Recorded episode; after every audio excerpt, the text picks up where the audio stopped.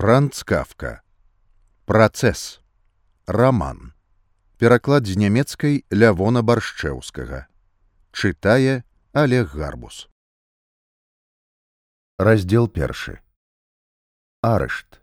Размова са спадарыняй грубах, потым з паннай бюстнер. Нехта, відаць, узвёў паклёп на Йозефа К бо не зрабіўшы нічога благога, ён трапіў пад арышт. Кухарка ягонай кватэрнай гаспадыні спадарыні грубах, якая штодня каля восьмай прыносіла яму сняданак, гэтым разам не з'явілася. Такога яшчэ ніколі не бывала. Ка трохі пачакаў, зірнуў з ложка на старую жанчыну, якая жыве насупраць, Яна глядзела з акна з нейкай незвычайнаю як для яе цікаўнасцю, і потым, адчуваючы і голад і пэўнае здзіўленне, пазваніў у званок. У той жа хвілі пачуўся грукат, і ў пакой увайшоў нейкі чалавек. Тут, у гэтай кватэры, Ка ніколі раней яго не бачыў. Мужчына быў хударлявы і разам з тым каржакаваты. У добра падагнаным чорным гранітуры, што нагадваў дарожную вопратку, гэтулькі на ім было розных фальбонак, кішэняў, спражак, гузікаў, а ззаду яшчэ паясок, праз гэта гарнітур здаваўся асабліва практычным, хоць было цяжка адразу сказаць, дзеля чаго ўсё гэта было трэба. Хто вы такі? спытаў капры, узняўшыся на ложку. Але мужчына нічога не адказаў, як быццам яго з'яўленне было рэччу натуральнай і толькі спытаў: « Вы званілі? Няхай Ганна прынясе мне сняданак, сказаў Ка і пачаў моўчкі разглядаць гэтага чалавека, спрабуючы скеміць або здагадацца, хто ж ён па праўдзе такі але мужчына не даў сябе асабліва разглядаць і падышоўшы да дзвярэй трохі прачыніў іх і сказаў некаму хто відавочна стаяў тут жа за парогам. Ён хоча каб ганна падала яму сняданак. З суседняга пакоя пачуўся кароткі посмех. Паводле гуку цяжка было адгадаць адзін там чалавек ці іх некалькі. І хоць незнаёмец відавочна не мог пачуць нічога для сябе новага, ён заявіў ка афіцыйным тонам. Гэта не паложана. Вось яшчэ навіна, сказаў ка, саскочыў з ложка і таропка нацягнуў штаны. Зараз зірну, што там за людзі ў суседнім пакоі. Паглядзім, як спадарня грубах патлумачыць мне гэтае ўварванне. Што праўда, ён тут жа падумаў сабе не варта было выказваць свае думкі ў голас выходзіла так нібыта гэтымі словамі ён у нейкай ступені прызнае за незнаёмцам права нагляду. Зрэшты цяпер гэта было ўсё роўна. Але відаць незнаёмы гэтак яго і зразумеў бо адразу сказаў. Можа быць вам лепш заставацца тут і не застануся і размаўляць з вами не жадаю пакуль не скажаце хто вы такі дарэмна крыўдзіцеся сказаў незнаёмы і сам адчыніў дзверы у суседнім пакоі куды ка прайшоў не так рашуча як яму хацелася б з учорашняга вечара на першы погляд амаль нічога не змянілася. Гэта была гасцёўня спадарыні грубах загрувашчаная мэбляй дыванамі парцалянай і фотаздымкамі. Цяпер у ёй стала хіба што неяк крыху прасторней Хоць гэта заўважалася не адразу, пагатоў галоўная перамена палягала ў тым, што там знаходзіўся нейкі чалавек. Ён сядзеў з кнігаю каля адчыненага акна і цяпер, падняўшы вочы, сказаў: « Вам трэба было застацца ў сябе ў пакоі. Хіба Франц нічога не казаў?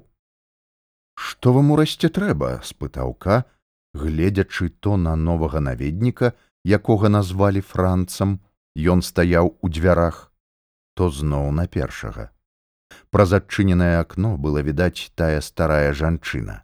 У прыпадку старэчай цікаўнасці яна перабегла ўжо да другога акна паглядзець, што будзе далей. Ну, цяпер я ў спадарыні грубах, сказаў К. І хоць ён стаяў воддаль ад іх абодвух, але зрабіў рух, нібы хацеў вырвацца ў іх з рук і ўжо быў пайшоў да выхада. Не, сказаў чалавек каля акна, кінуў кніжку на стол і падняўся з месца. Вам не можна сыходзіць, бо вы арыштаваны. Падобна да таго прамовіў К і дадаў: « А за што? Мы не ўпаўнаважаны даваць тлумачэнні. Ідзіце ў свой пакой і чакайце.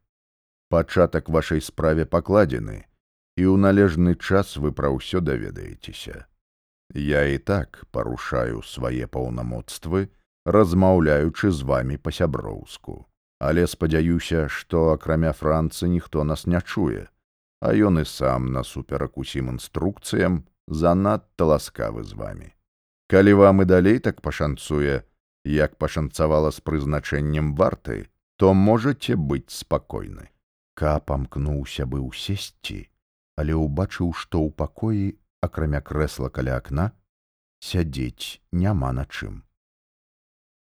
Вы яшчэ зразумееце, якія гэта слушныя словы, сказаў Франц, і раптам абодва адразу падступіліся да яго.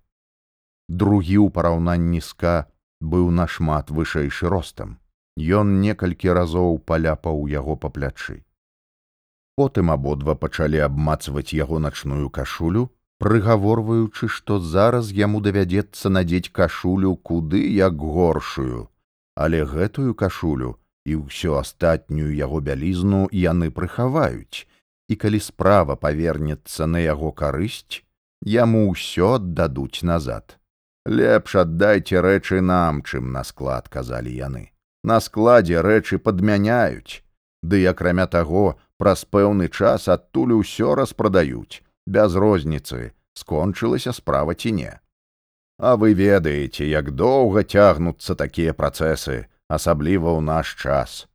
Вядома склад вам урэшце кампенсуе кошт рэчаў але па-першае сама па сабе сума будзе нікчэмная бо пры распродажы цану вызначаюць не паводле кошту рэчы а паводле памераў хабару ды і атрыманыя сумы змяншаюцца, бо яны ж з году ў год пераходзяць з рук у руки.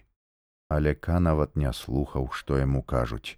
Яму неістотна было, хто атрымае права распараджацца яго асабістымі рэчамі, якія нібыта яшчэ належалі яму, куды як важней было зразумець сваё становішча, але ў прысутнасці гэтых людзей ён нават думаць па-сапраўднаму не мог.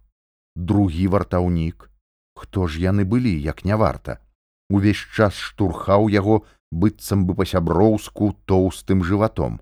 Але калі ка падымаў вочы ён бачыў сухаваты кашчавы твар з буйным павёрнутым на бок носам і перахопліваў погляд якім гэты чалавек абменьваўся цераз яго галаву са сваім калегам. Хто ж гэтыя людзі? Пра што яны кажуць? З якога яны ведомства бо ка жыве ў прававой дзяржаве усюды пануе мір усе законы непарушныя хто ж мае адвагу нападаць на яго ў яго ўласным жытле Ён заўсёды быў схільны ставіцца да ўсяго надзвычай лёгка прызнаваўся што справы дрэнь толькі калі сапраўды рабілася вельмі кепска і прывык нічога не прадпрымаць загадзя, нават калі насоўвалася пагроза. Але цяпер яму здалося, што гэта няслушна, хоць усё, што адбываецца, можна было прыняць і за жарт, няўклюдны жарт, які невядома чаму, можа таму, што сёння яму споўнілася трыццаць гадоў, вырашылі з ім учыніць калегі з банка. І гэта сапраўды цалкам верагодна, напэўна варта было б проста засмяяцца ў твар гэтым вартаўнікам і яны засмяяліся б з ім разам. А можа гэта проста рассыльныя? Цалкам падобна. Але чаму ж тады самы першы раз зірнуўшы на франца ён цвёрда вырашыў ні ў чым не саступаць гэтым людзям. Менш за ўсё ка баяўся што яго потым будуць папракаць у неразуменні жартаў. Затое ён выдатна памятаў хоць звычайна з мінулым досведам і не лічыўся сякія такія выпадкі самі па сабе нязначныя калі ён у адрозненне ад сваіх сяброў свядома пагарджаў магчымымі наступствамі і паводзіў сябе вельмі неабдумана і неасцярожна за што і расплачваўся напоўніцу больш гэтага з ім паўтарыцца не павінна хоць бы цяпер а калі гэта камедыя то ён ім падыграе. Але пакуль што ён яшчэ вольны. Дазвольце сказаў ён і хутка прайшоў паўз іх у свой пакой. Відаць разумны малы пачуў ён за спінай у пакоі ён адразу ж пачаў выцягваць шуфляды стала там быў узорны парадак але пасведчанне асобы якое ён шукаў ён праз сваё хваляванне ніяк не мог знайсці. Нарэшце ён знайшоў пасведчанне на ровар і ўжо хацеў ісці з ім да вартавых але потым гэтая паперка падалася яму непераканаўчай і ён зноў узяўся шукаць аж пакуль не знайшоў сваю метрыку. Калі ён вярнуўся ў суседні пакой дзверы насупраць адчыніліся і выйшла спадарыня грубах. Але ўбачыўшы ка яна спынілася відавочна збянтэжаная попрасіла прабачэння і вельмі асцярожна прычыніла дзверы. Заходзьце ж толькі і паспеў сказаць ка сам ён так і застаўся стаяць пасярод пакоя з паперамі ў руках гледзячы на дзверы якія не адчыняліся і толькі воклік варты прымусіў яго схамянуцца. Тыя людзі сядзелі за столікам каля адчыненага акна і каўбачыў што яны ядуць ягоны сняданак. Чаму яна не ўвайшла спытаў ён. Гэта недазволена сказаў высокі бо вы арыштаваны. Гэта значыць як арыштаваны? Хіба гэта так робіцца? Зноў вы за сваё сказаў той і абмакнуў хлебу слойчак з мёдам. Мы на такія пытанні не адказваем. Давядзецца адказаць сказаў ка. Вось мае дакументы. А вы прад'явіце свае. І перш за ўсё ордар на арышт божа мой сказаў высокі чаму вы ніяк не можете змірыцца са сваім становішчам Не, вам абавязкова трэба злаваць нас і зусім дарэмна, бо мы вам цяпер самыя блізкія людзі на свеце.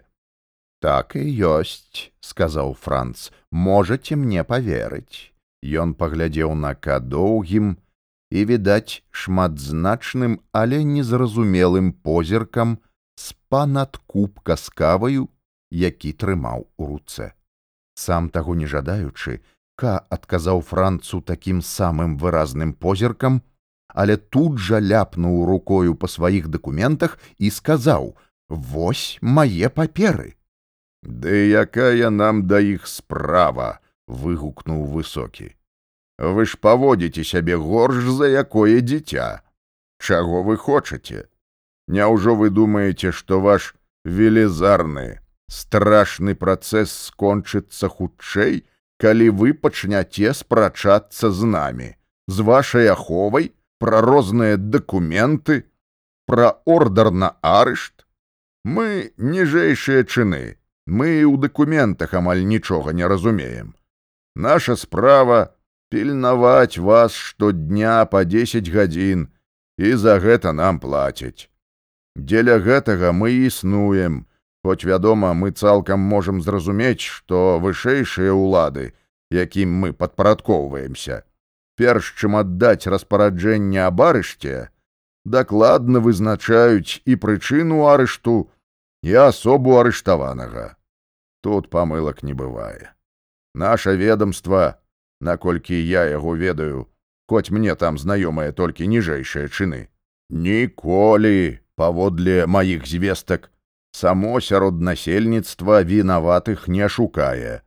Віна, як сказана ў законе, сама прыцягвае да сябе правасуддзе, і тады ўладам даводзіцца высылаць нас, гэта значыць варту.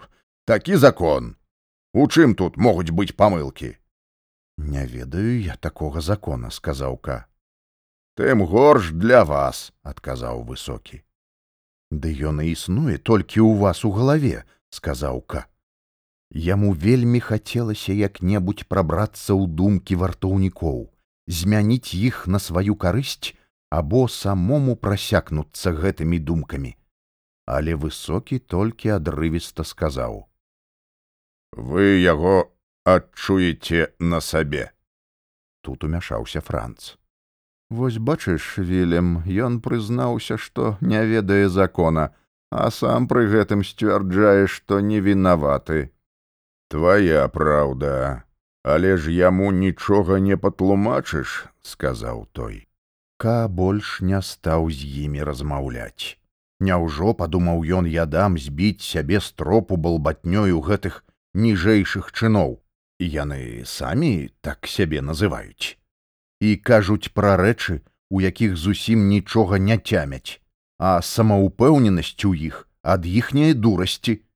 Варта мне абмяняцца хоць бы двума трыма словамі з чалавекам майго кола і ўсё стане непараўнальна больш зразумелым, чым бясконца доўгія размовы з гэтымі двума. Ён прайшоўся некалькі разоў сюды туды ў пакоі, убачыў, што старая з акна насупраць прыцягнула ўжо да сябе нейкага яшчэ старэйшага чалавека, і стаіць з ім у абдымку. Трэба было спыніць гэта відовішча. Правядзіце мяне да вашага начальства, прамовіў ён. Не раней, як начальства праявіць жаданне вас бачыць, сказаў вартаўнік, якога звалі вілемам. А цяпер дадаў ён, я вам раю прайсці да сябе ў пакоі і спакойна чакаць, што з вами будзе вырашана рабіць. І наша вам парада. Не марнуйце сілы на бескарысныя развагі. Лепш збярыцеся з думкамі, бо да вас прад'явяць вялікія патрабаванні. Вы паставіліся да нас не так, як мы заслужылі сваім стаўленнем да вас. Вы забыліся, што кім бы вы ні былі, мы прынамсі ў параўнанні з вами людзі свабодныя, а гэта немалая перавага. Аднак, калі ў вас ёсць грошы, мы гатовыя прынесці вам сняданак з кавярні, што насупраць. Ка трохі пастаяў, але на гэтую прапанову не адказаў нічога. Можа, калі ён адчыніць дзверы ў суседні пакой ці нават у вітальню, гэтыя двое не наважацца яго спыніць.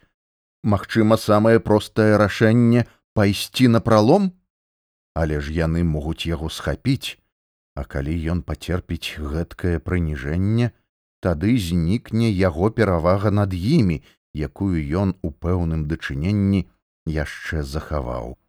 Не, лепш дачакацца развязкі. Яна павінна прыйсці сама сабою праз натуральную хаду рэчаў, таму ка прайшоў да сябе ў пакой, не абмяняўшыся з вартавымі болей ніводным словам. Ён кінуўся на ложак і ўзяў з рукамыйніка прыгожы яблык, прызапашаны на сняданак яшчэ з вечара. Іншага сняданку ў яго цяпер не было, і, адкусіўшы вялікі кавалак, ён запэўніў сябе, што гэта куды лепш, чым сняданак з бруднай начной кавярні насупраць, які ён мог бы атрымаць з ласкі сваёй варты. Ён адчуваў сябе добра і ўпэўнена, што праўда, ён на паўдня спазняўся ў банк, дзе служыў, але пры той параўнальна высокай пасадзе, якую ён займаў, яму даруюць гэтае спазненне. Ці не варта будзе прывесці ў сваё апраўданне сапраўдную прычыну. Ён так і вырашыў зрабіць. Калі ж яму не павераць, у чым не будзе ніякага дзіва, то ён можа спаслацца на спадарыню грубах ці на тых старых у вакне насупраць, Цяпер яны, напэўна, пераходзяць ужо да другога свайго акенца. Ка быў здзіўлены, дакладней яму было дзіўна, калі паглядзець вачыма варты. Як гэта яны прагналі яго ў іншы пакой і пакінулі аднаго там, дзе ён мог дзясяткам спосабаў пакончыць з сабою. Але ўжо са свайго пункту погляду ён адразу падумаў якая ж прычына магла б яго на гэта штурхнуць няўжо тое што побач сядзяць гэтыя два тыпусы і ядуць яго сняданак пакончыць з сабою было б настолькі бессэнсоўна што пры ўсім жаданні ён не мог бы зрабіць такі бессэнсоўны ўчынак і калі б разумовая абмежаванасць гэтых вартаўнікоў не была гэткай відавочнаю то можна было б меркаваць, што і яны прыйшлі да такой самай высновы і таму не бачаць аніякай небяспекі ў тым, што пакінулі яго аднаго. Няхай бы цяпер паглядзелі, калі жадаюць, як ён падыходзіць да тумбачкі каля сцяны, дзе схаваны якасны шнапс, перакульвае першую чарку наўзамен сняданку, а потым і другую, дзеля адвагі, на той выпадак, калі адвага спатрэбіцца, што зрэшты малаверагодна. Але тут ён так спалохаўся вокрыку з суседняга пакоя, што ажно зубы ляснулі аб шкло. Вас выклікаюць да інспектара, крыкнули адтуль. Яго напалохаў менавіта крык, кароткі, адрывісты салдацкі вокрык, якога ён ніяк не чакаў ад франца. Сам жа загад яго вельмі парадаваў. Ну, нарэшце, усклікнуў ён, зачыніў тумбачку і пабег у гасцёўню. Але там яго сустрэлі абодва вартаўнікі і адразу, быццам так было трэба, загналі назад у ягоны пакой. Вы што, з глузду з'ехалі, закрычалі яны. У кашулі ісці да інспектара. Ён загадае даць бізуноў і вам і нам таксама пусціце мяне д'ябал вас бяры крыкнуўка якога ўжо адціснулі да гардэроба напалі на чалавека ў ложку да яшчэ чакаюць што ён будзе ў фраку нічога не зробіш сказалі абодва шторазу калі каўшчынаў крык яны рабіліся не толькі зусім спакойнымі але нават нейкімі сумнаватымі што вельмі збівала яго стропу але збольшага і супакойвала. Смешныя цырымоніі буркнуў ён, але сам ужо зняў пінжак з крэсла і патрымаў у руках, нібы прапануючы вартавым вырашаць, ці ён падыходзіць. Тыя пакруцілі галовамі. Патрэбен чорны сурдут, сказалі яны. Ка кінуў пінжак на падлогу і сказаў, сам не ведаючы, у якім сэнсе ён гэта кажа. Але ж справа цяпер не слухаецца. Вартавыя ўсміхнуліся, але настойліва паўтарылі. Патрэбен чорны сурдут. Што ж, калі гэтым можна паскорыць справу, я не супраць, сказаў ка, сам адчыніў шафу, доўга корпаўся ў сваіх шматлікіх апранахах, урасце выбраў лепшую чорную пару яна сядзела так спрытна што выклікала проста такі захапленне ў знаёмых дастаў свежую кашулю і пачаў апранацца з усёю дбайнасцю у потай ён падумаў сабе што больш ніякіх затрымак не будзе варта забылася нават прымусіць яго прыняць ванну ён сачыў за імі а раптам яны ўсё ж такі ўспомняць але ім зразумела і ў галаву гэта не прыйшло. Хоць вілем не забыўся паслаць франца да інспектара далажыць, што ка ўжо апранаецца. Калі ён апрануўся, вілем правёў яго, ідучы за ім следу след, цераз пустую гасцёўню наступны пакой, куды ўжо шырока расчынілі дзверы. Ка ведаў дакладна, што ў гэтым пакоі нядаўна пасялілася нейкая панна бюрстнер машыністка яна вельмі рана сыходзіла на працу позна вярталася дадому і ка толькі абменьваўся з ёй звычайнымі прывітаннямі. Цяпер яе начны столік быў выстаўлены для допыту на сярэдзіну пакоя, і за ім сядзеў інспектор. Ён скрыжаваў ногі і закінуў адну руку на спінку крэсла. У адным куце пакоя стаялі трое маладых людзей. Яны разглядалі фатаграфіі панны бюрстнер, начэпленыя на плеценую цыноўку, што вісела на сцяне. На клямцы адчыненага акна вісела белая блузка. У акно насупраць ужо высунуліся тыя самыя старыя, але гледачоў там дадалося. За іх спінамі ўзвышаўся велізарны мужчына ў расхінутай на грудях кашулі, які ўвесь час круціў і круціў сваю рудаватую бародку. Язефка спытаў інспектор, відаць толькі для таго, каб звярнуць на сябе рассеяны поглядка. Ка схіліў галаву.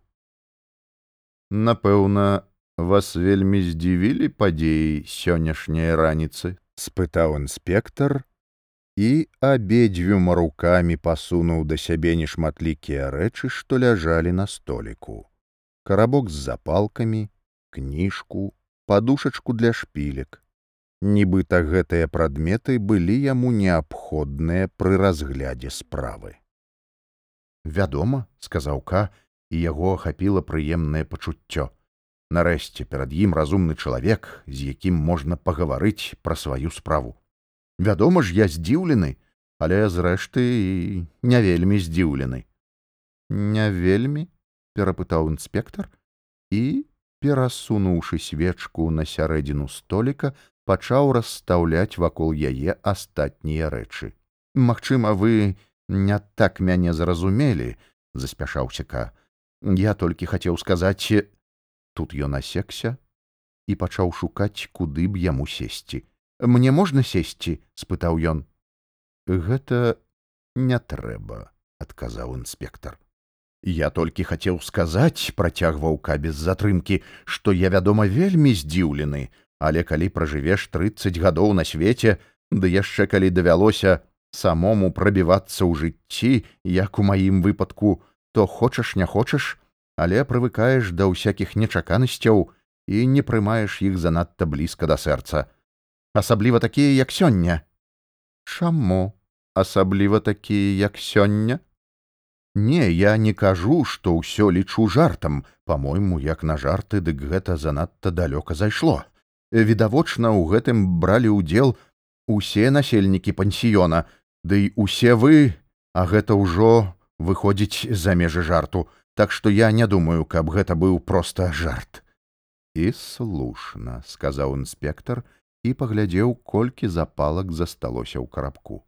Але з іншага боку працягваў ка, звяртаючыся да ўсіх прысутных. Яму хацелася прыцягнуць увагу і тых трох, што разглядалі фатаграфіі. З іншага боку, асаблівых значэння ўсё гэта мець не можа, Я раблю гэтую выснову з таго, што мяне ў чымсьці абвінавачваюць, але я за сабой не адчуваю абсалютна ніякай віны. Але і гэта не мае значэння. Галоўнае пытанне, хто мяне абвінавачвае? Якое ведомства вядзе справу? Вы службоўцы, але на вас няма формы, калі толькі ваш строй, тут ён звярнуўся да франца, не лічыць формай, Але ж гэта хутчэй дарожная вопратка. Вось у гэтым пытанні я патрабую яснасці, і я ўпэўнены, што пасля высвятлення мы ўсе развітаемся сябрамі. Тут інспектор рэзка шпурнуў карабок на стол. Вы глыбока памыляецеся, сказаў ён. І гэтыя спадары, і я сам, мы ніякага дачынення да вашай справы не маем. Больш за тое, мы пра яе амаль нічога і не ведаем. Мы маглі б насіць самую сапраўдную форму, і ваша справа ад гэтага ані не пагоршылася б. Я нават не магу вам сказаць, што вы ў чымсьці абвінавачаны, дакладней мне пра гэта нічога невядома. Сапраўды, вы арыштаваны гэта дакладна, але нічога больш я не ведаю. Можа, вам вартаўнікі чаго лішняга нагаварылі, але ўсё гэта пустая балбатня. І хоць я не адказваю на вашыя пытанні, але магу параіць адно. Менш думайце пра нас і пра тое, што вас чакае. Думайце лепш, як вам быць самому. І не крычыце так аб сваёй невінаватасці. Гэта пагаршае тое, увогуле нядрэннае ўражанне, якое вы робіце. Наогул, вам трэба быць больш стрыманым у размовах. Усё, што вы тут нагаварылі, і без таго было зразумелым з вашых паводзінаў. Нават калі б вы сказалі толькі два словы, і апроч таго ўсё гэта вам на карысць не ідзе. К збянтэжана ўтаропіўся на інспектара. Яму робяць вымову як таму школьніку, і хто ж? Чалавек, які, напэўна, нават маладзейшы за яго. За шчырасць яму даводзіцца выслухоўваць вымову. А наконт прычыны арышту пра тое, хто загадаў яго арыштаваць, ані слова. Ён нават расхваляваўся, пачаў хадзіць узады ўпераду пакоі, гэтаму ніхто не перашкаджаў. Ён паправіў манжеты сурдута і манішку, прыгладзіў валасы і, праходзячы паўз трох маладых людзей прамовіў, якая дурнота, нашто тыя павярнуліся ў ягоны бок і спачувальна, хоць і сурова паглядзелі на яго. Аж нарэшце ён спыніўся перад столікам інспектара. Пракурор Гастэрер, мой даўні сябар, сказаў ён, ці можна мне патэлефанаваць яму? Вядома адказаў інспектор але я не ведаю які ў гэтым сэнс. Хіба што вам трэба перагаварыць з ім па асабістай справе які сэнс усклікнуў ка хутчэй збянтэжана чым злосна. Ды хто вы такі? Шукаеце сэнс? Адчыніце такую бязглуздзіцу што горай і не прыдумаеш? Ды тут напраўду дойдзеш да роспачы. Спачатку гэтыя спадары на мяне напалі а цяпер вось расселіся стаяць вакол і глядзяць як вы робіце мне прачуханку. І вы яшчэ пытаецеся які сэнс тэлефанаваць пракурору калі мне сказано што я арыштаваны добра я не буду тэлефанаваць чаму ж сказаў інспектор і паказаў рукою бок вітальні дзе вісеў телефон. Тэлефануйце калі ласка. Не цяпер я сам не хачу сказаў ка і падышоў да акна уся кампанія яшчэ стаяла каля акна насупраць але тое што ка падышоў да акна парушыла іх спакойнае сузіранне старыя хацелі былі ўстаць але мужчына які стаяў ззаду супакоіў іх а гэтыя там таксама глядзяць гучна крыкнуў ка інспектару і тыцнуў пальцам у акно. Ідзіце адтуль закрычаў ён у акенца. Тыя трое адразу адступіліся ў глыб свайго пакоя. Старыя нават схаваліся за суседа каб ён захінуў іх сваім вялікім целам і з яго вуснаў было відаць як ён ім нешта казаў але здалёк цяжка было разабраць словы. Але людзі не зніклі зусім. А нібы чакалі хвілі калі можна будзе незаўважна зноў падысці да акна. Якая назойлівасць якая бесцырымоннасць сказаў ка адыходзячы ад акна. Інспектор нібыта з ім пагадзіўся прынамсі так падалося ка калі ён скоса на яго зірнуў зрэшты магчыма што той зусім і не слухаў яго бо шчыльна прыціснуў далонь да століка і як быццам вывучаў даўжыню сваіх пальцаў. Абодва вартавыя сядзелі на куфры, пакрытым дзеля прыгажосці кілімчыкам і паціралі калені. Трое маладых людзей, упёршы руки ў бакі, малаўцямна пазіралі вакол сябе. Было ціха, нібы ў якой-небудзь апусцелай канторы. Ну што спадарства усклікнуў ка і яму падалося нібыта ён адказвае за іх за ўсіх з вашых паводзінаў можна зрабіць выснову, што мая справа вычарпаная. Я схільны лічыць, што лепш за ўсё не разбірацца апраўданыя ці неапраўданыя вашы ўчынкі, ды мірна разысціся, абмяняўшыся сяброўскім поціскам рукі. Калі вы са мной згодныя, то прашу вас, і падышоўшы да століка інспектара, ён працягнуў яму руку. Інспектар узняў вочы і, прыкусіўшы вусны, паглядзеў на працягнутую руку.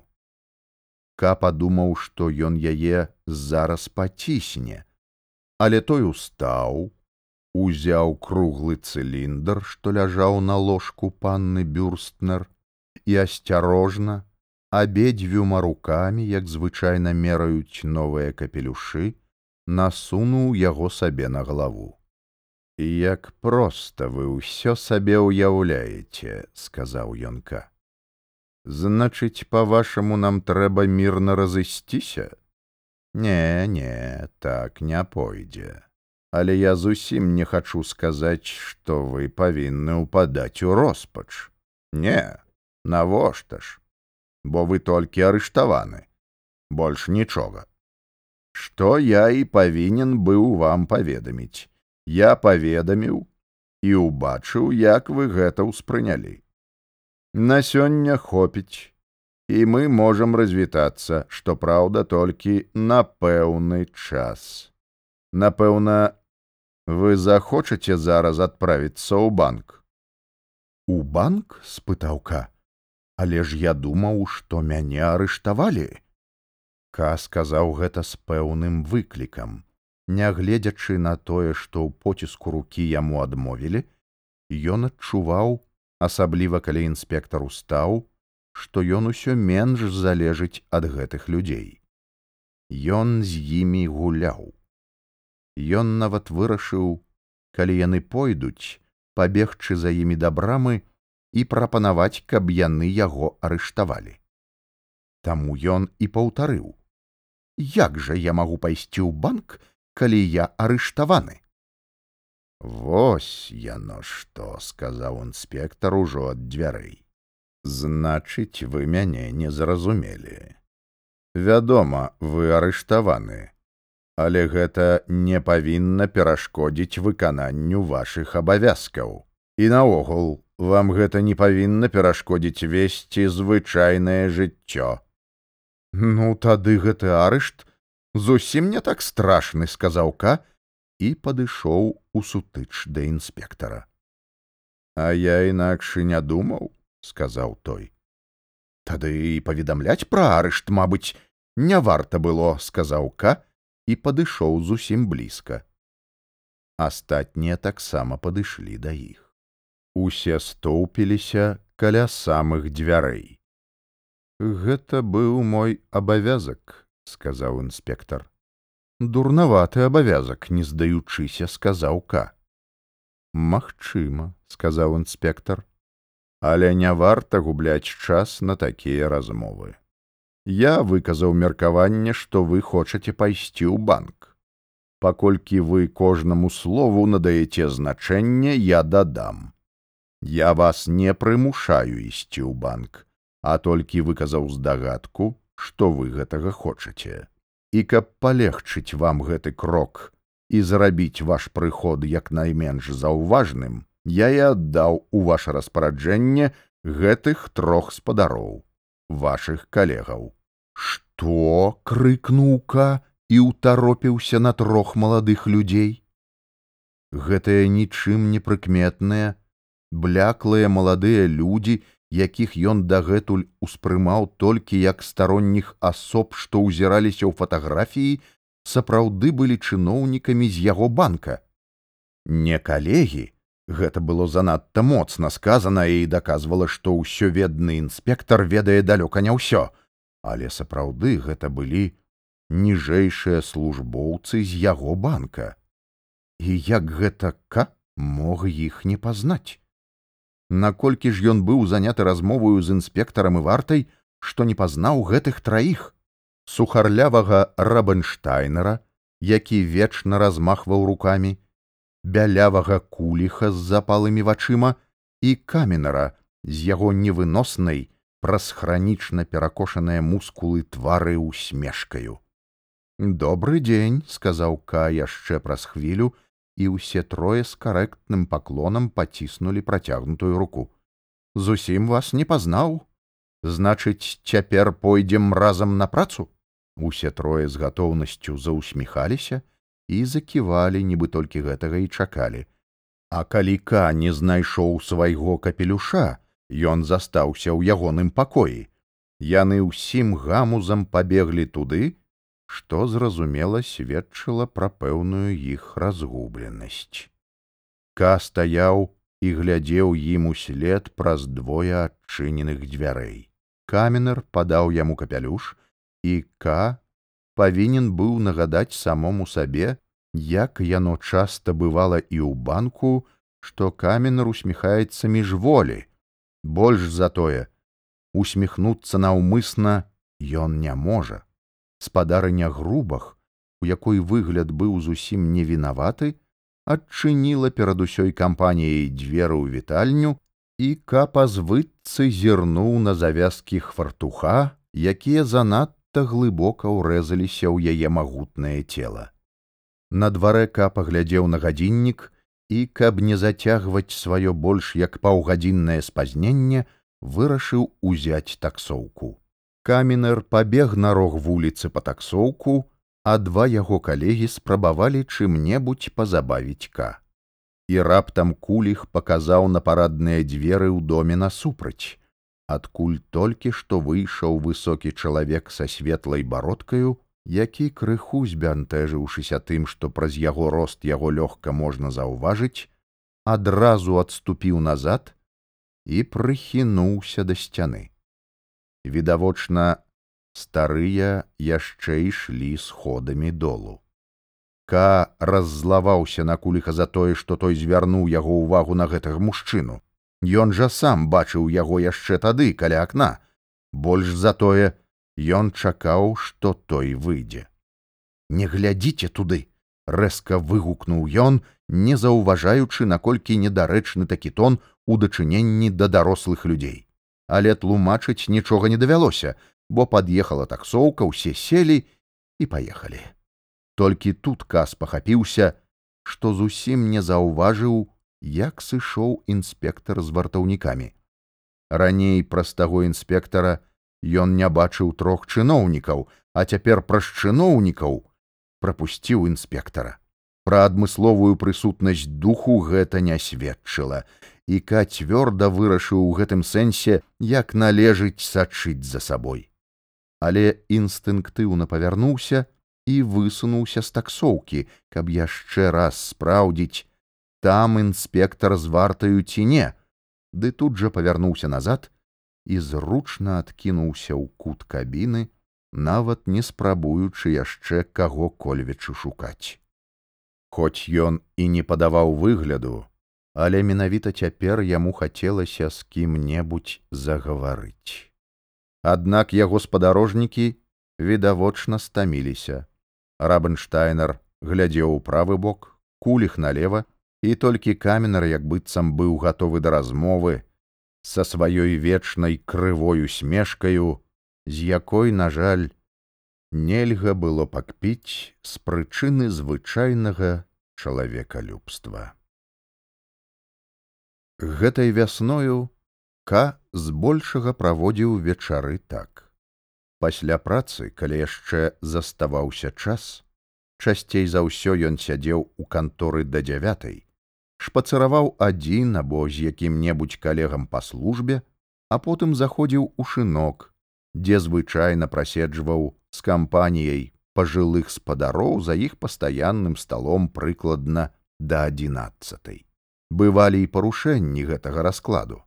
Напрыклад, калі дырэктар банка, які вельмі шанаваў ка за яго працаздольнасць і надзейнасць, запрашаў яго пакатацца ў аўто або павячэраць на дачы.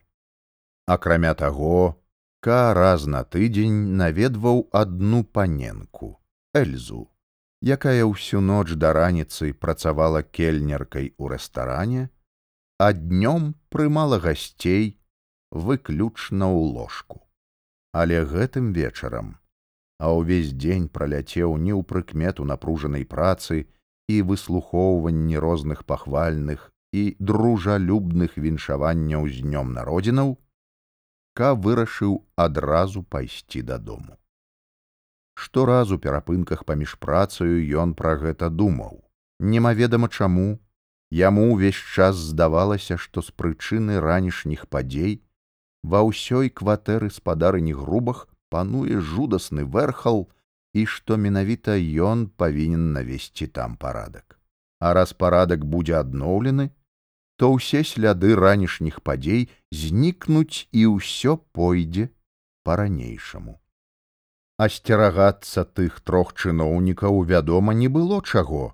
Яны згубіліся ў велізарнай масе банкаўскіх службоўцаў, і па іх нічога заўважна не было. Ка некалькі разоў і разам і паасобку выклікаў іх да сябе ў кабінет з адзінай мэтай паназіраць за імі і кожны раз адпускаў цалкам задаволены. Калі а палове дзясятай ён падышоў да свайго дома, то ўбачыў у пад'ездзе маладога хлопца, які стаяў, шырока расставіўшы ногі з люлькай у зубах. Вы хто такі? адразу спытаў К і насунуўся на хлопца. У паўцёмным пад'ездзе цяжка было што-кольвічы разгледзець. Я сын швейцара, шаноўны спадару, адказаў хлопец, выцягнуў люльку з рота і адышоўся крыху ў бок. Сын швейцара перапытаў К і нецярпліва пастукаў кіем аб падлогу. Можа быць, вам што-небудзь будзе заўгодна, загадаеце паклікаць бацьку? Не, не, сказаў Ка, і ў ягоным голасе пачулася нешта падобнае да паблажлівасці. Нібы хлопец нарабіў ліха, а ён яму дараваў. Усё ў парадку, дадаў ён і пайшоў далей. Але перш чым падняцца на сходы, яшчэ раз азірнуўся. Ён мог бы пайсці наўпрост да сябе ў пакой, але паколькі трэба было пагаварыць са спадарыняй грубах, адразу пастукаўся да яе. Яна сядзела з панчохаю ў руках каля стала, на якім ляжала яшчэ куча старых панчох. Ка рассеяна попрасіў прабачэння, што зайшоў гэтак позна, але спадарыня грубах была з ім вельмі ветлая і аніякіх выбачэнняў слухаць не захацела. Для яго яна заўсёды дома, ён выдатна ведае, што з усіх яе кватарантаў ён самы лепшы, самы сімпатычны. Ка агледзеў пакой. Усё было на старым месцы. Посуд ад сняданку, які стаяў раніцай на століку каля акна, таксама быў прыбраны. Жаночыя руки ўсё могуць зрабіць непрыкметна, падумаў ён сабе. Сам ён, напэўна, хутчэй за ўсё перабіў бы ўвесь посуд, але, вядома, не здолеў бы забраць яго адсюль. З удзячнасцю ён паглядзеў на спадарыню грубах. Чаму вы так позна працуеце? — спытаў ён. Цяпер яны абое сядзелі за сталом, а Ка раз пораз варушыў рукою груду панчох. Працы шмат, адказала яна. Увесь дзень сыходзіць на кватарантаў, а прыводзіць свае рэчы ў парадак я магу толькі вечарамі. Сёння я, напэўна, прычыніў вам шмат залішняга клопату. Чым жа гэта? — спытала яна, ажывіўшыся і апусціла панчоху на калені. Я пра тых людзей, што прыходзілі раніцай. О, вось яно што, — сказала яна ранейшым спакойным голасам. Не, ніякага асаблівага клопату тут не было. Ка моўчкі глядзеў, як яна зноў узялася за панчоху. Здаецца, яна здзівілася, што я пра гэта пачаў казаць, падумаў ён. Здаецца, яна лічыць няслушным, што я пра гэта пачаў казаць. Тым больш важна ўсё гэта ёй выказаць. Толькі з пажылою кабетай я і магу пра гэта пагаварыць.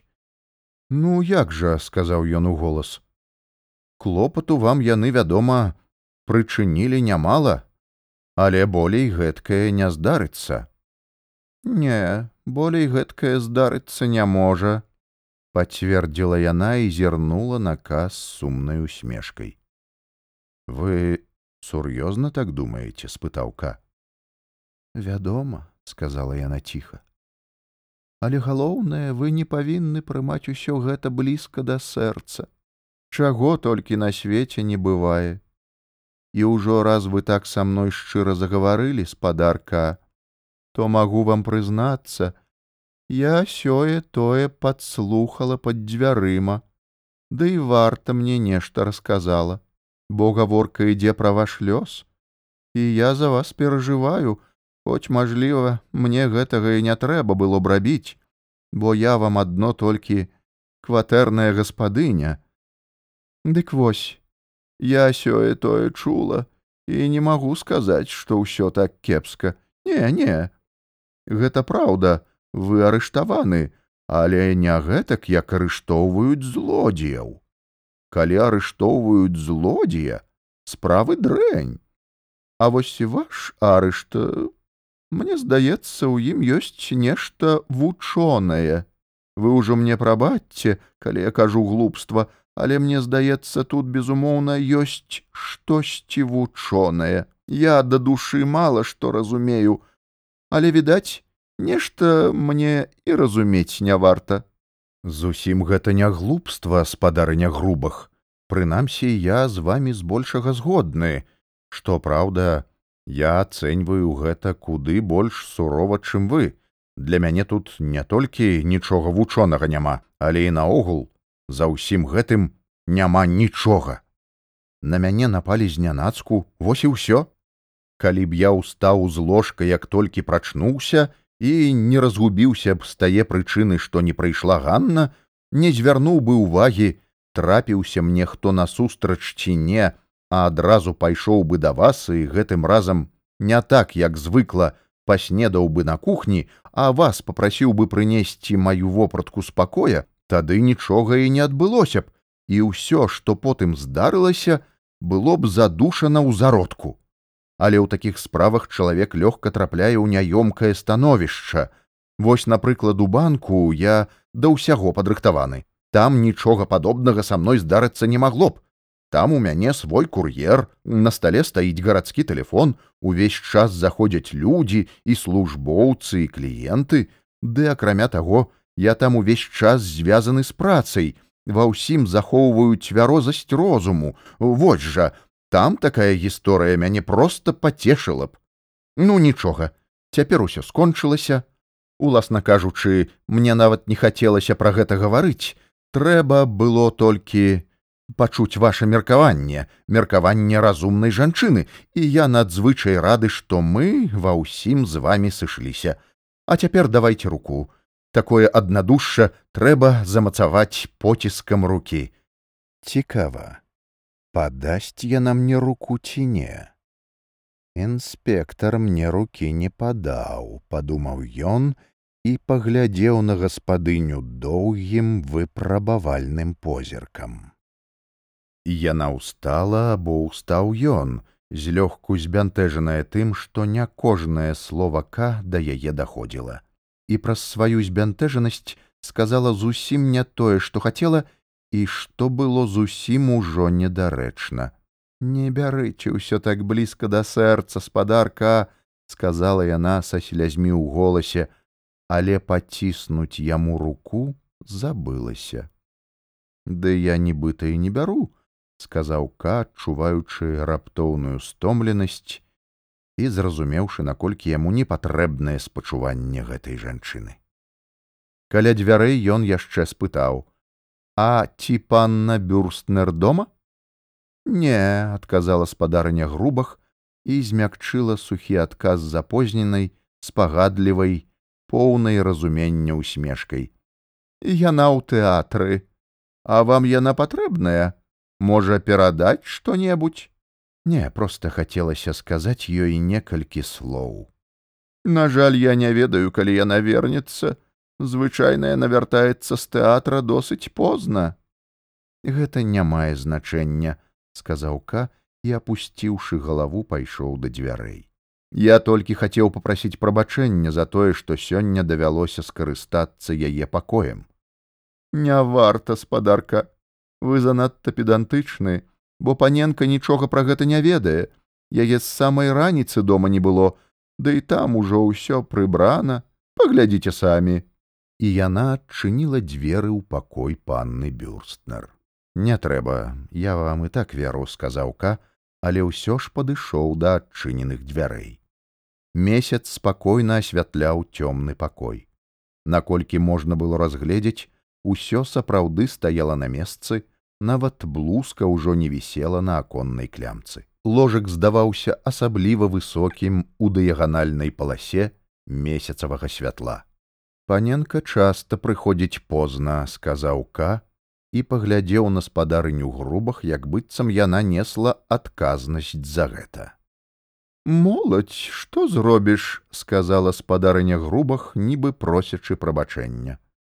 Вядома вядома сказаў ка але гэта можа зайсці занадта далёка. Можа можа адказала спадарыня грубах тут цалкам ваша праўда спадарка. Можа нават у гэтым выпадку. Не хачу пляткарыць пра панну бюрстнер. Яна добрая слаўная дзяўчына.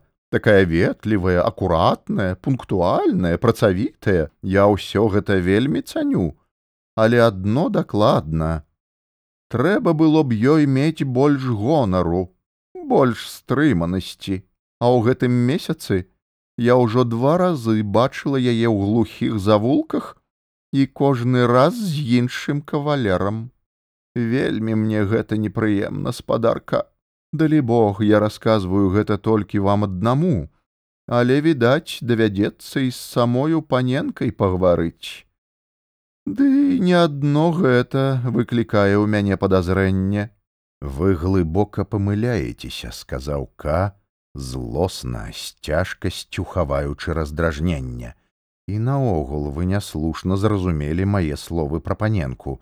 Я зусім не тое хацеў сказаць шчыра раю вам нічога ёй не казаць вы глыбока памыляецеся я яе ведаю вельмі добра і ўсё што вы кажаце няпраўда зрэшты можа быць я занадта шмат бяру на сябе навошта мне ўмешвацца кажыце ёй што хочаце. Дабранач спадарка умольна загаварыла спадарыня грубах і пабегла зака да самых яго дзвярэй якія ён ужо амаль што зачыніў. Ды я зусім і не збіраюся зараз размаўляць з паненкай. Вядома я спачатку павінна яшчэ паназіраць за ёю бо я толькі вам распавяла тое што ведаю. Урэшце кожны жыхар зацікаўлены каб у пансіёне ўсё было чыста а я толькі да гэтага і імкнуся Ах, чыста крыкнуў ка ўжо ў шчылінку дзвярэй. Ну, калі вы хочаце захоўваць чысціню ў вашым доме, дык адмоўце ад кватэры мне першаму. Ён рэзка зачыніў дзверы і ўжо не адказаў на нясмелы стук. Але спаць яму зусім не хацелася, і ён вырашыў не класціся і гэтым разам усё ж такі высветліць, калі вернецца панна бюрстнер. І магчыма, яму ўдасца сказаць ёй колькі словаў, хоць час зусім неадпаведны. Высунуўшыся ў акно і жмурачы стомленыя вочы, ён нават на хвіліну падумаў, а ці не пакараць спадарыню грубах, намовіўшы панну бюрстнер разам з ім з'ехаць з кватэры. Але ён тут жа зразумеў, што занадта ўсё перабольшвае і нават западозрыў сябе ў тым, што яму проста хочацца змяніць кватэру пасля ранішніх падзей нічога больш бессэнсоўнага, а галоўнае нічога больш бяздарнага і больш подлага нельга было і прыдумаць. Калі яму надакучыла глядзець на пустую вуліцу, ён прылёг на канапу, але спачатку прачыніў дзверы ў пярэдні пакой, каб не ўстаючы бачыць усіх, хто зойдзе ў кватэру. Недзе да адзінаццатай ён праляжаў спакойна на канапе палячы цыгару але потым не вытрымаў і выйшаў у пярэдні пакой, як быццам гэтак можна было паскорыць прыход панны бюрстнер. У яго не было ніякай ахвоты бачыць яе. Ён нават не мог дакладна ўзгадаць, як яна выглядае, але яму трэба было з ёй пагаварыць, і яго раздражняла, што праз яе спазненне нават канец дня выйшаў такі неспакойны і бязладны. Вінаватая яна была і ў тым, што ён не павячэраў і прапусціў візіт да Эльзы, прызначаны на сёння.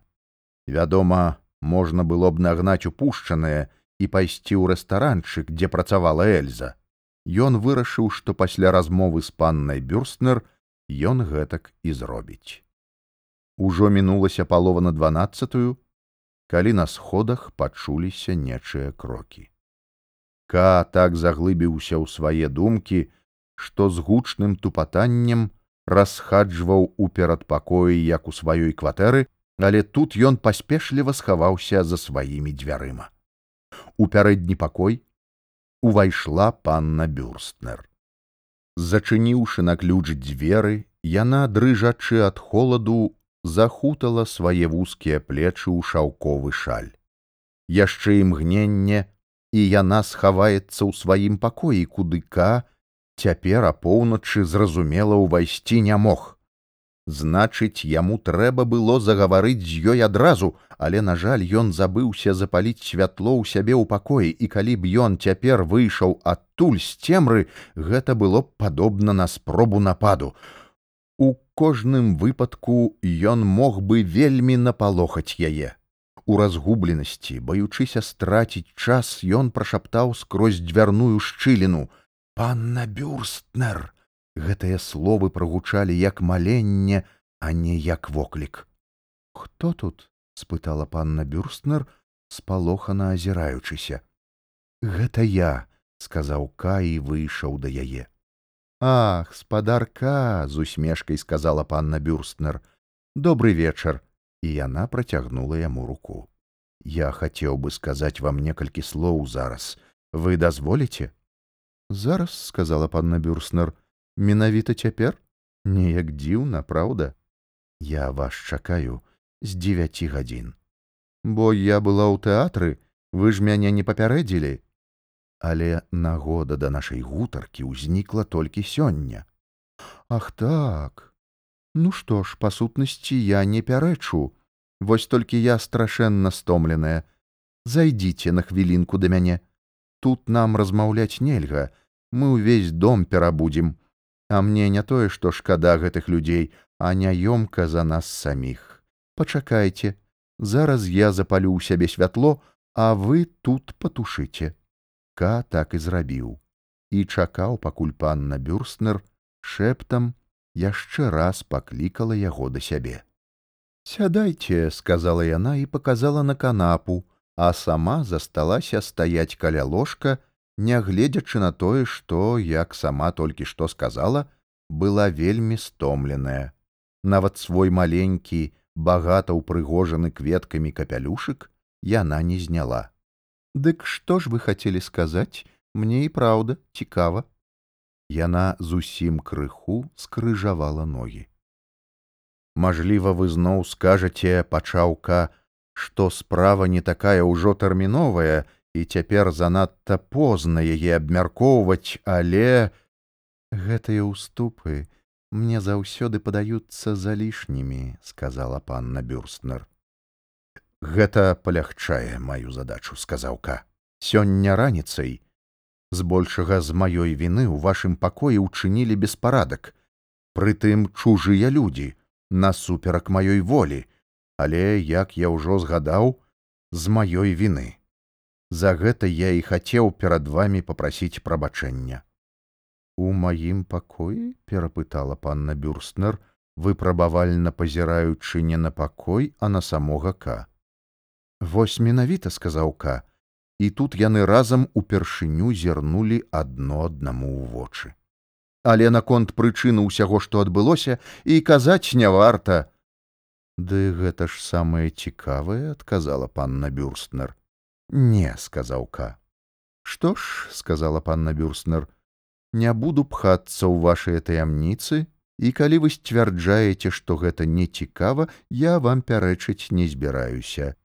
Я вам ахвотна дарую калі ўжо вы пра гэта просіце асабліва таму што ніякіх слядоў беспарадку я тут не бачу Моцна прыціснуўшы апушчаныя руки да сцёгнаў, яна абышла ўвесь пакой. Каля маты з фота з дымкамі прыпынілася. Аж паглядзіце, усклікнула панна Бюрстнер. Усе мае фатаграфіі раскіданыя. Ах, як нядобра! Значыць, нехта гаспадарыў у маім пакоі. Ка толькі нахіліў галаву, праклінаючы ў душы службоўца каменара за тое, што ён ніколі не мог стрымаць сваёй бязладнай, бессэнсоўнай мітуслівасці. Дзіўна, сказала панна Бюрстнер, дзіўна, што мне даводзіцца забараняць вам менавіта тое, што вы самі павінны былі б забараніць сабе, пакуль мяне не было, заходзіць да мяне ў пакой. Я ўжо тлумачыў вам, паненка, сказаў Кай падышоў да фотаздымкаў. Вашы фатаграфіі раскідаў не я.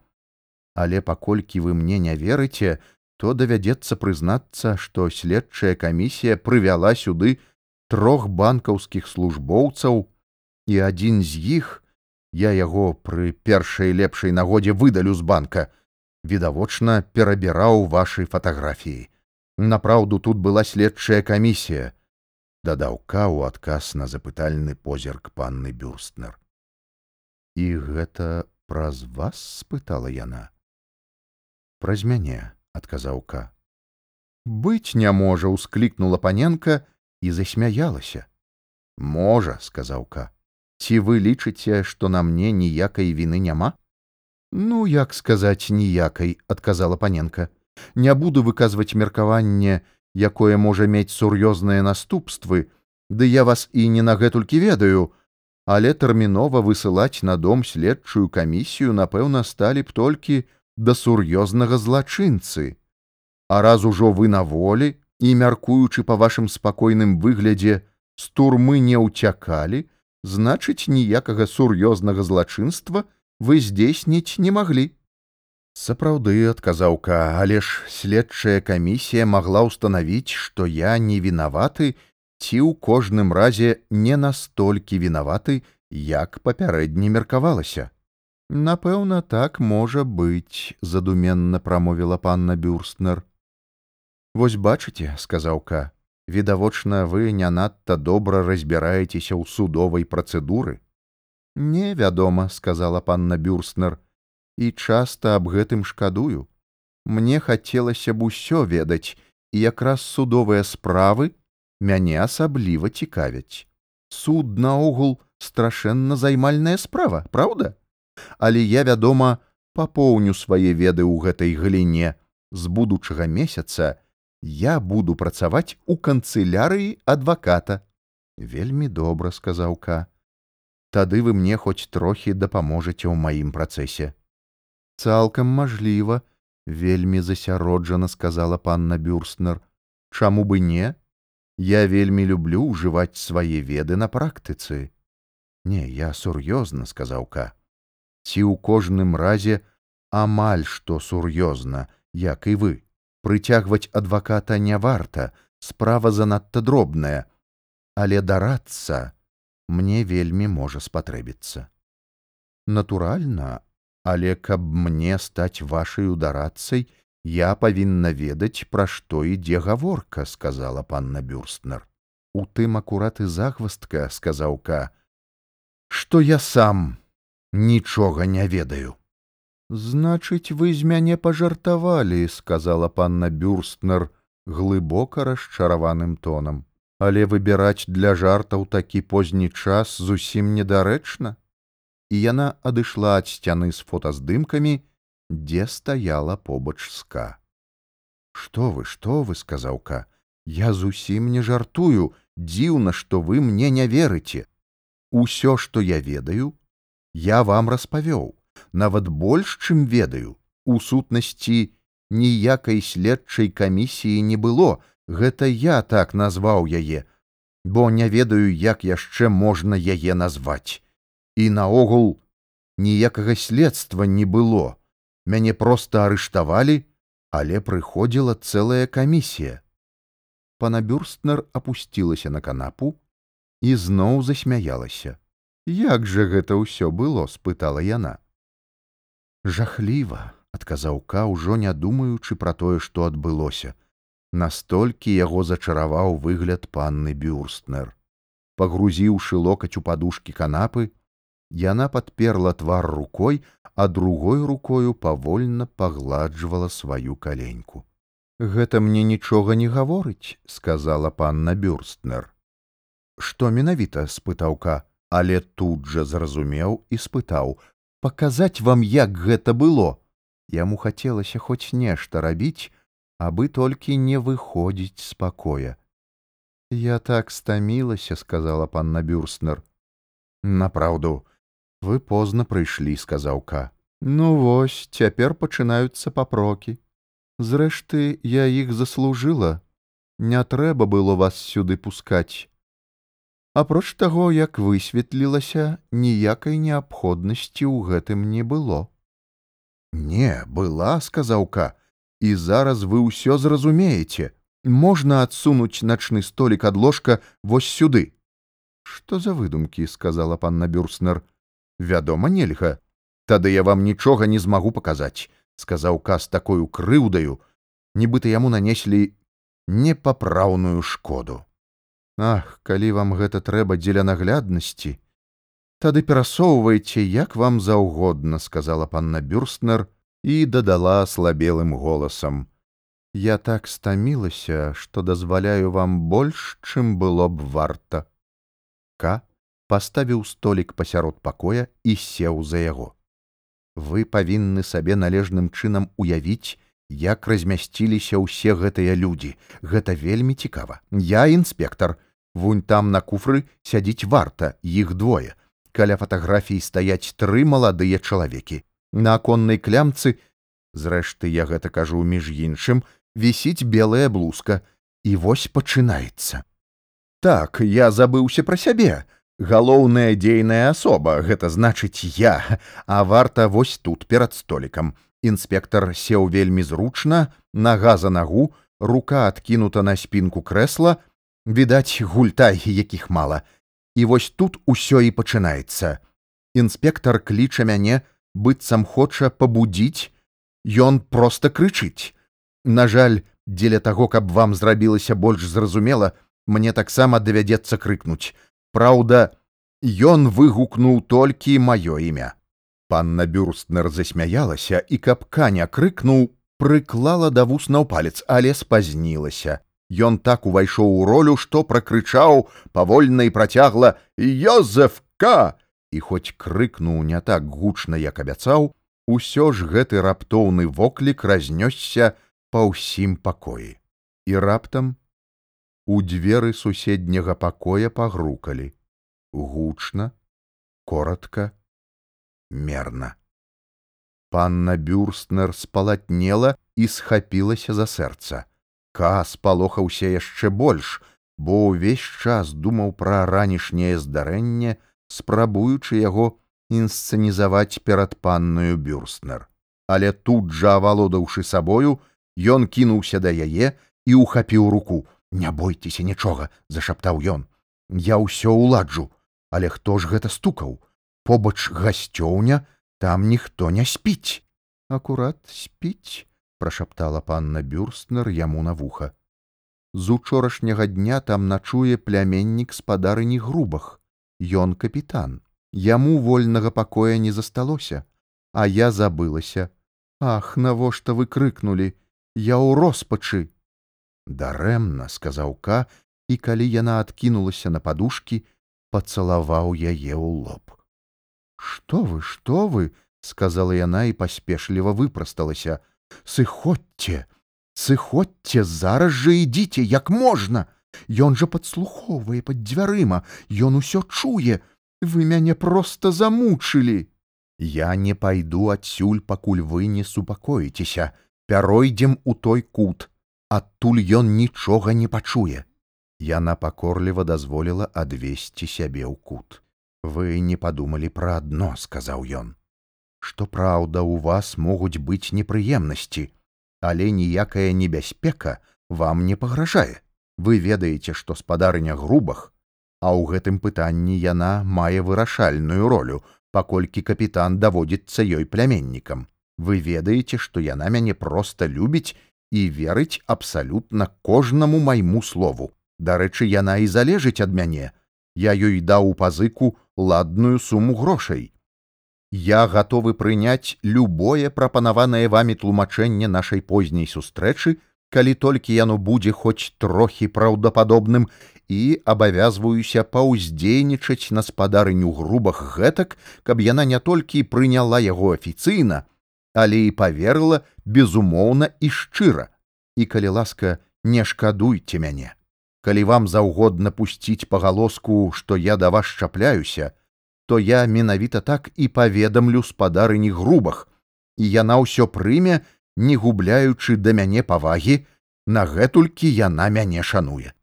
Панна бюрстнер моўчкі, апусціўшы плечы, глядзела ў падлогу. Ды чаму б спадарыні грубах не паверыць, што я да вас лез гвалтам дадаўка. Ён паглядзеў на яе валасы, падзеленыя праборам, на гэтыя рудаватыя валасы, сцягнутыя нізкім тугім вузлом. Ён чакаў, што яна зараз уздыме на яго вочы, але яна прамовіла, не мяняючы паставы. Прабачце, але я спалохалася гэтага раптоўнага груку, і рэч тут не ў тым, што я баюся ўскладненняў праз гэтага капітана, але калі вы крыкнулі, тут зрабілася ціха, а потым раптам загрукалі. Вось чаму я спалохалася, бо я ж сядзела каля самых дзвярэй, і груку дзверы пачуўся зусім побач. За вашы прапановы я вельмі ўдзячная, але прыняць іх не магу. Я сама перад кім заўгодна нясу адказнасць за ўсё, што адбываецца ў мяне ў пакоі. Дзіўна, што вы не разумееце, якія крыўдныя для мяне вашы прапановы, хоць я не сумняюся ў вашых добрых намерах. А зараз ідзіце, пакіньце мяне адну, Цяпер мне гэта яшчэ больш патрэбна, чым раней. Вы прасілі даць вам некалькі хвілін, а прайшло паўгадзіны, нават больш. Ка схапіў яе за локаць, потым за запясце. Але вы на мяне не злуяцеся, спытаў ён. Яна адвяла яго руку і сказала: « Не, не, я ні на кога ніколі не злуюся. Ён зноў схапіў яе за руку, яна не супраціўлялася і павяла яго да дзвярэй. Ён цвёрда вырашыў сысці але на парозе ён раптам спыніўся, як быццам не чакаў, што апынецца каля выхаду, а панна бюрстнер, скарыстаўшыся гэтай хвіляю, вызваліла руку, адчыніла дзверы, выслізнула ў пярэдні пакой і прашаптала: « Ідзіце ж хутчэй, прашу вас, бачыце? І яна показала на дзверы ў пакой капітана, з-пад якіх прабівалася святло. Ён запаліў святло і падглядае за намі. Іду, іду, сказаў Ка, подбег да яе, схапіў яе, пацалаваў у вусны і раптам пачаў абсыпаць пацалункамі ўвесь яе твар, гэтак як сасмяглы звер хлебча з ручая, хапаючы языком ваду. Нарэшце ён прытуліўся да яе шыі каля самага горла і доўга не адымаў вуснаў. Толькі шум з боку капітанавых дзвярэй змусіў яго падняць галаву. Цяпер я сыходжу, сказаў ён і хацеў назваць панну бюрстнер паводле імя, але не ведаў, як яе завуць. Яна стомлена кіўнула, нягледзячы, падала руку для пацалунку, нібыта яе гэта не датычыла і злёгку горбячыся пайшла да сябе. Неўзабаве ка ўжо ляжаў у ложку. Заснуў ён вельмі хутка, але перад сном яшчэ падумаў пра свае паводзіны і быў задаволены сабою. Хоць са здзіўленнем адчуў, што задаволены як бы і не зусім. Акрамя таго, Ён сур'ёзна турбаваўся, ці не будзе ў панны бюрстнер непрыемнасцяў праз гэтага капітана.